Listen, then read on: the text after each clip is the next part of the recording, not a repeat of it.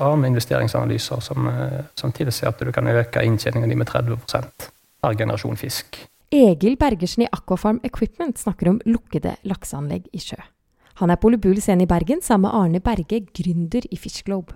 Dette er den sjette og aller siste samtalen fra vårt arrangement Når laksen lever i lukkede anlegg, som ble spilt inn i februar. Samtalen ledes av Camilla Odland, nyhetsredaktør i Tekfisk. Men først en kort melding fra vår annonsør. Framo morgendagens pumpeløsninger for oppdrettsnæringen. Lus og rømming er jo noen av de store utfordringene til oppdrettsnæringen. Og en mulig løsning kan være nettopp lukkede merder i sjøen. Så da skal vi nå få høre fra to som leverer nettopp dette. Og nå har vi fått opp Egil Bergersen, daglig leder i Aquafarm Equipment. Og så har vi fremdeles med oss gründer Arne Berge i Fish Club. En varm applaus til begge to. Og Egil, da skal du få begynne med å fortelle litt om Aquafarm Equipment. Hva er det dere leverer? Uh, Aquafarm Equipment vi leverer lukka anlegg i sjø. Uh, da i form av i praksis ei bøtte, men ei veldig svære bøtte. Så vi starta ca. 2010-2011 med en veldig entusiastisk gründer, Atle Presthaug, som da mente at lukka anlegg i sjø det burde kunne klare å gjøre i form av ei bøtte. Så jeg tror han testa hjemme i hagen med ei vaskebøtte i begynnelsen. Og så fikk han med seg folk, og etter hvert så fikk han med seg Movi som samarbeidspartner. Så første bøtta kom i sjø i 2013. Og så kom uheldigvis eh, orkanen Nina i januar 2015, eh, som medførte litt oppsprikking på noen skøyter på, eh, på, tanken. Og i ettertid så ble lokaliteten oppgradert ganske vesentlig. da. Været var nok langt over det som eh, var i den opprinnelige lokalitetsrapporten. da. Så da måtte Atle på han igjen. og eh, i ekspressfart eh, bygge en ny, veldig forsterka tank. Som kom i sjø vel da seint eh, i 2015. Etter hvert så fikk vi òg støtte fra EU, Horizon 2020-programmet, for å utvikle teknologien videre. Og det muliggjør òg at jeg kunne ta inn ressurser for å gjøre selskapet kommersielt. Det var en testa over mange år i, i sammen med Movi og hadde en tydelig plan og et ønske om å kommersialisere teknologien. Så da ble jeg meg sjøl ansatt og en uh, salgssjef sånn i vinteren 2018. Rett før jul 2018 så signerte vi kontrakt på det første kommersielle anlegget. Hvor mange lukkede merder har dere i sjøen nå? Vi har én i sjøen nå. Fullskalaanlegg. Det har vært i sjø i praksis siden 2013, så nå er det sjette generasjon med fisk som ble, som ble testa ut. Høstutsett i fjor så hadde vi rett over under 600 000 smolt. Og nå var det omtrent samme mengde som ble, eh, som ble satt ut denne gangen. Nå. Ja, for Der har jo dere opplevd storm, som du allerede har fortalt om. Og så har det også vært noe sykdom i verden. Eh, hvordan har dere løst de utfordringene som dere har møtt på? Det er jo sånn med, med lukkeanlegg eh, som, som åpen not. Vi henter jo vannet på en 3-24 meter. Så er jo lokasjonen betyr veldig mye for lukkeanlegg. Hvis du har grunne forhold under lokasjonen din, så tyder ting veldig på at du får større grad av omveltninger. Sånn at, eh, så på testanlegget så, så tar vi en lus eh, jevnlig. Men eh, som er dokumentert av nå etter hvert publiseringer, og av andre, så viser det seg at lusa eskalerer ikke i teknologien. da. Vi bytter ut uh, ca. 20 000 kubikk netto vannvolum i tanken, som er en uh, absurd mengde vann. Men uh, når alt går på fullt, så skifter en ut det volumet på en time ca. Så det som eventuelt uh, kommer inn av lus, som fester seg, og som er hulus, og som legger egg, uh, så blir det egg tatt ut av systemet da, før de kommer på et nivå til å bygge seg opp inn i systemet. Eh, Arne, hva tenker du om at det er flere nå som holder på med lukkede merder i sjøen, og konkurransen fra de, blir du bekymret over det? Nei, altså det, det er ganske stor grad av åpenhet og utveksling, selv om man konkurrerer. Så vi har kultur for det i oppdrettsnæringen det er både trygge konkurranser, og vi hjelper hverandre til å lage gode løsninger. Og jeg tror det er plass for flere. Det tror jeg. Men hva er viktig å tenke på når fisken skal inn i lukkede merder? Egil? Eh, viktig er jo først og fremst eh, Jeg kan gjerne kategorisere lukka anlegg, som jeg var inne på tidligere i, i, diskusjonen. Så er det mange varianter av lukka anlegg. Duk kan jo betraktes som et, eh, som et lukka anlegg. Og de som har mer fysisk hard barriere mellom sjøen på utsida og sjøen på innsida. Både oss og Fish er jo en hard barriere. Vi har designa teknologien fra dag én med doble barrierer på alt av innløp. Og vi har vært gjennom to bassengtester i havbassenget til Sintef for å kvalifisere og være trygge på integriteten til anlegget i sjø. Så det er jo det første med å putte fisk i et lukka anlegg. Du må være sikker på at den ikke kan rømme. Så det neste er jo vannkvalitet. Det blir diskutert veldig mye på, på lukka anlegg om margin er 0,8, eller man er 1, eller man er 1,2. Det vil nok kanskje være variasjoner for hvert utsett for det året, fra det ene halvåret til det andre halvåret. Men det som er veldig bra med teknologien, er at vannkvaliteten er fantastisk. Vi har hatt eh, opp mot 600 000 smolt på rett over 800 gram stykket. Snakker 500 tonn ca. med biomasse, og nesten ikke hatt Eh, verdier på ammoniakk og CO2 i, tanken. Så det er en enorm trygghet på vannkvalitet å ha et gjennomstrømningsanlegg. Så jeg vil absolutt si at uh, høy volumstrøm gjennom anlegget ditt uh, er veldig viktig for, uh, for det når du skal putte ut fisk. Vil du legge til noe der, Arne, hva som er viktig å tenke på? Det som har vært min tanke, er jo å gjøre det veldig enkelt. At det, det er få ting som kan gå sort rundt. Få ventiler. Så det er så forenkle, forenkle, forenkle har vært min mantra hele veien. Og Da er det òg få ting som kan gå sånt. Det er viktig å ha stor flow av vann gjennom anlegget, så fisken har en, et eh, godt miljø. Det er jo veldig viktig. Og Egil, som du var inne på, så har jo dere samarbeidet med Movi ganske lenge. Hvordan har det samarbeidet vært? Det har vært uh, kjempebra. Fantastisk for Akvafarm å få samarbeide med Movi. Det er de som kan fisk. Uh, Akvafarm er en uh, teknologileverandør som er begynner til hvert å bli veldig gode på integritet, teknisk drift, trykktap Eh, det å opprettholde vannstrøm, eh, strømningsbildet i, i, tanken. Vi vet nøyaktig hastighetsbildet på tvers av, eh, av, tanken vår. Vi har gjort CFD-analyser med Sintef igjen i samarbeid med Movi. Og oksygendistribusjon, strømningsbilde. Vi har analysert hvor the big shit, the small shit and the medium shit beveger seg i, i tanken. Så det er gjort veldig mye for å underbygge funksjonaliteten. Da tror vi at med den vannkvaliteten som en har, eh, så er det et fantastisk verktøy for, eh, for oppdretterne, som kan fisken. da. Men som vi var inne på, så har det vært noen hendelser med, med storm og, og, sykdom. Føler du at, Har de vært tålmodige da og fremdeles holdt troen på prosjektet? Ja, altså Som leverandør så skulle du alltid ønske at, eh, at kunder kjøper flere, både Movi og andre. Men jeg syns Movi har vært en fantastisk partner i, i testingen. da. Og nå er det dokumentert og gjennomprøvd at, eh, at eh, lukka anlegg virker. Litt sånn ingeniørvits, men uh, cage closed det er en sånn slogan som går. Men det funker.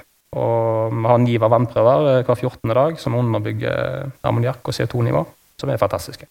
Nå har vi snakket litt om å ha fisken på lukkede anlegg på land. Hva vil forskjellen være å ha på land og nede i sjøen, Ørnei? Det er litt det som jeg snakket om, at på land så har du mulighet til å ha 100% sikkert inntak. Men uh, anlegget på land er jo veldig mye dyrere, uh, og det tar lengre tid å få tilgang til en lokalitet på land og bygge anlegg. Mens et lukka flytende anlegg som tank som Mer, så er det uh, halvt år til et år for bestilling til du har et anlegg i sjø. Så det er jo mye fortere å komme i gang. men så må du òg bruke konsesjon. Du kan ikke drive lukka i anlegg uten konsesjon. Det kan du på land. Du må ha konsesjon, men du slipper å betale for konsesjonen. Mens i sjø så må du, må du betale for. Og det, det er en sånn konkurranseulempe mellom lukka anlegg i sjø og lukka anlegg på land. Så det bør ikke være sånn. For når vi har lukka anlegg i sjø, så slipper vi mindre ut. Vi er mye sikrere mot rømming, sånn at vi påvirker allmenningen med mindre. Og dermed så burde f.eks. konsesjonsavgiftene vært lavere for, for, å stimulere til utvikling eller bruk av sånne anlegg. Er du enig i det? Jeg er veldig enig i det som, som Arne sier. Det kommersielle anlegget som er under bygging nå, det er jo designa i, i henhold til forskrift om behandling av inntaksvann, som for landanlegg. Eh, så det vi bygger, er i praksis et eh, enormt gjennomstrømningsanlegg i, i sjø, med filtrering og ubehandling av alt inntaksvannet. Og I tillegg så har vi muligheten til å samle opp uh, slammet på tilnærmet samme nivå som, som, landanlegg. Det blir en hemsko når uh, reguleringen er sånn at uh, du får konsesjonen tildelt vederlagsfritt på land. Eh, men at det er en vesentlig kostnad med den konsesjonen når du gjør det i sjø. Når du teknisk sett uh, gjør akkurat det samme. I tillegg så er den på, som Arne var inne på, investeringskosten er vel minimum en femtedel av å gjøre det i sjø kontra å gjøre det på land. Da snakker jeg ikke om gjennomstrømningsanlegg på land, som, som ble nevnt tidligere i dag. Jeg tror det er viktig å skille mellom i praksis nedgravde bøtter på land, som er da veldig like ei bøtte som flyter i sjøen, opp mot et rasanlegg på land. Eh, Men hvis jeg sammenligner med ras, så er investeringskosten eh, vesentlig lavere med å gjøre det i sjø. Og I tillegg så vil du trenge ca. 2,5 mål for hver bøtte eh, du ønsker å putte på land. Gjør du det i sjø, så blir det som et isfjell. Altså Det eneste du ser, egentlig, det er flytekragen. Det er enormt mange fordeler med å gjøre det i sjø. Og heldigvis for oss så er det sånn at allerede i dag, hvis en bruker det som, som Arne var inne på med en postsmolt-strategi, fordi bøtta vår er rømningssikker, så får du dispensasjon for 200 000 begrensningen. Sånn at du kan putte opp, i, opp til 1 million fisk i ei bøtte. Så i praksis da, så kan du generere postmolt på, på opptil 1 kilo en gang i halvåret. 1 million stykk. Og eh, distribuere videre ut til, åpne nøtter. Og hvis du følger den strategien, så har vi investeringsanalyser som, eh, som tilsier at du kan øke inntjeningen din med 30 per generasjon fisk. Det er da i hovedsak med at du med å skjerme fisken i, i bøtta eh, det første halvåret i sjø, så utsetter du punktet hvor du må begynne å lusebehandle. Og I tillegg så vil du i enkelte perioder få, få bedre vekst. eh, Jevnt over kanskje eh, bedre vekst hele veien. Der personlig mener jeg at vi må dokumentere det litt bedre. Men fortell litt om den store merden som dere nå har under bygging. Eh, Hvor langt er dere kommet på den, og hvor skal den plasseres? Jeg har dessverre ikke lov å snakke om kunde per kontrakt, men det blir med kysten i Norge. Eh, Og til høsten så skal den igangsettes. da. Det vil være med full UV-behandling og filtrering på inntaksvannet. I praksis eh, gjennomstrømnings- gjennomstrømningsanlegg eh, flytende i sjø. Og det er den første kommersielle merden som dere leverer? ja, Den første kommersielle. Og hvordan har den overgangen fra å holde på med test og være pilot til å nå være i en ny fase vært? Det ligger jo enormt mye, enormt mye arbeid bak, har jeg funnet ut. Vi har bl- eh, brukt eh, DMGL til å gjøre uavhengig verifikasjon av, eh, av designet. Og så har vi økt bølgekapasiteten opp til HS2. Da til å dekke med 70% av lokaliteten i Norge, cirka. Det er kanskje noen fra DMGL her, men de kan være ganske plagsomme i en sånn ver verifikasjonsprosess. De spør om alt. Og så er det litt sånn 'vis meg'. Så det er en veldig sånn omfattende prosess. Så har det vært veldig omfattende å få designa vannbehandlingssystemer med akseptabelt trykktap. Vi leverer systemer med trykktap på godt under en meter totalt eh, per vannkanal, eh, som er formidabelt lavt eh, kontra hvis du skal flytte vann opp på land. Og dere søkte jo òg om utviklingstillatelser, men fikk nei. Det gjorde vi. Hva betydde det for dere? Jeg begynte jo i, i Aquafarm etter søknaden var sendt inn. Så sånt for Nå kan jeg endelig snakke om det, da, i og med at vi har fått endelig avslag. Eh, Vi har selvfølgelig anka med òg, sånn som alle andre. Så har vi fått avslag på anken. Men den teknologien vi har i dag, som har solgt kommersielt, er i hvert fall halv pris av hva kostnaden ville vært av det som vi søkte utviklingskonsesjon på. da. Og det er kjempemye bra i, eh, i utviklingskonsesjonskonseptene. Eh, Men i hvert fall for vår egen del så hadde vi tatt med veldig mye som strengt tatt ikke var nødvendig. da, Som var kostnadsdrivende. Så vår jobb når vi begynte, var jo å gjøre det kommersielt. Og når vi da begynte å hente inn faktiske priser fra, leverandører og verft og lignende for å få bygge konseptet som vi hadde da, så innså vi ganske fort at uh, dette blir for dyrt. Vi tror ikke markedet er villige til å betale den sum penger for ett stykke anlegg. Så da begynte vi ingeniørjobben, designutviklingsjobben, med å plukke vekk all funksjonalitet som de ikke trenger. da. Og da klarte dere å halvere kostnaden ved å gjøre det? Ja, Vi under halve utprisen i dag kontra hva det ville vært da, hvis vi hadde bygd det konseptet som vi hadde da. Så sånn sett var det bra dere fikk nei, sånn at dere ble tvunget til å tenke nytt, eller? Nei, eh, Vi hadde fått en mulighet til å teste matfisk. da. Jeg føler kanskje utviklingskonsesjonene blir litt opp mot at eh, det er teknologiutviklinga som koster penger. Men det som koster penger, er jo å få bygd testanlegget ditt og få en konsesjon til å putte fisken oppi. Selve designarbeidet og kvalifikasjonsarbeidet, i hvert fall basert på våre erfaringer, er en veldig lav kostnad kontra selve uttestingen. da. Så det er veldig dumt for oss uh, at vi ikke får testa stor fisk. Men jeg har veldig sterk tro på at uh, kundene våre etter hvert ønsker å teste stor fisk. Og og på at uh, i andre markeder, eh, som Canada og delvis Skottland, som vi har eh, en del dialog med, hvor det er helt andre krav og forventninger fra myndighetene og andre forhold, hvor eh, matfisk i lukka anlegg eh, kommersielt kan bli, eh, kan bli aktuelt kanskje raskere enn i Norge. da. Mm, andre steder. Og Arne, hva tenker du om fremtiden for lukkede merder i sjøen? Er det noe som vi vil se øke på, eller hva, hvordan blir det fremover? sånn som det er nå, når vi har sett hvordan ekstremt godt uh, den globen fungerer, så har jeg veldig stor tro på at uh, det kommer til å fylle et behov i norsk oppdrettsnæring. Og det var vel for et par år siden det var et konsulent, konsulentselskap som gjorde en undersøkelse. De spurte alle industrilederne innenfor havbruksnæringen hva de trodde om framtida. Og da forventer en jo at denne næringen skal femdoble seg fram til 2050 eller 2030. 2050 er det vel. Og da trodde de at eh, altså 17-18 av volumet var lukka i sjø. Og 17-18 av eh, femdobling fra i dag. Det tilsvarer jo omtrent det volumet som er åpner med mer i dag. Så det er jo formidable muligheter som òg da industrien sjøl tenker, sånn som jeg forsto rapport. Så det er plass for flere leverandører, sånn som jeg ser det. Hva tenker du om det? Hva er fremtiden for lukkede merder i sjøen? Jeg eh, tror fremtida er, er, veldig lys. Og for vår del så har det nå har vi testa i veldig mange år, så det har uh, løsna kommersielt.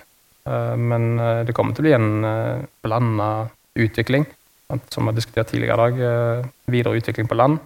Jeg tror i Norge så er det det har løsna kommersielt, men det vil løsne enda mer når eller hvis det kommer en mer sidestilling av, av vilkårene mellom lukka anlegg i sjø og, og anlegg på land. Og i Norge at du vil få en utvikling mot uh, storsmolt i, i lukka anlegg i sjø, og videre distribusjon ut i, i tradisjonelle åpne nøter, eller videre utvikle tradisjonelle åpne nøter med trompetløsninger eller lignende som òg i de åpne nøttene, tar fisken under under da. Arne? Ja, bare uh, tilbake til det vi snakket om tidligere, med konsesjonsregimet. Det vil jo òg veldig påvirke den utviklingen.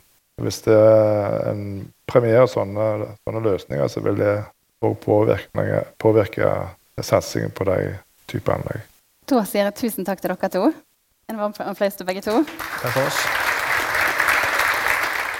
Du har hørt på Tekfisk, podkasten om teknologi og forskning i sjømatnæringa. Dette var den siste samtalen fra Tekfisk direkte i denne omgang. De andre samtalene finner du på Spotify, iTunes eller i podkastspilleren på mobilen din. Vi høres igjen.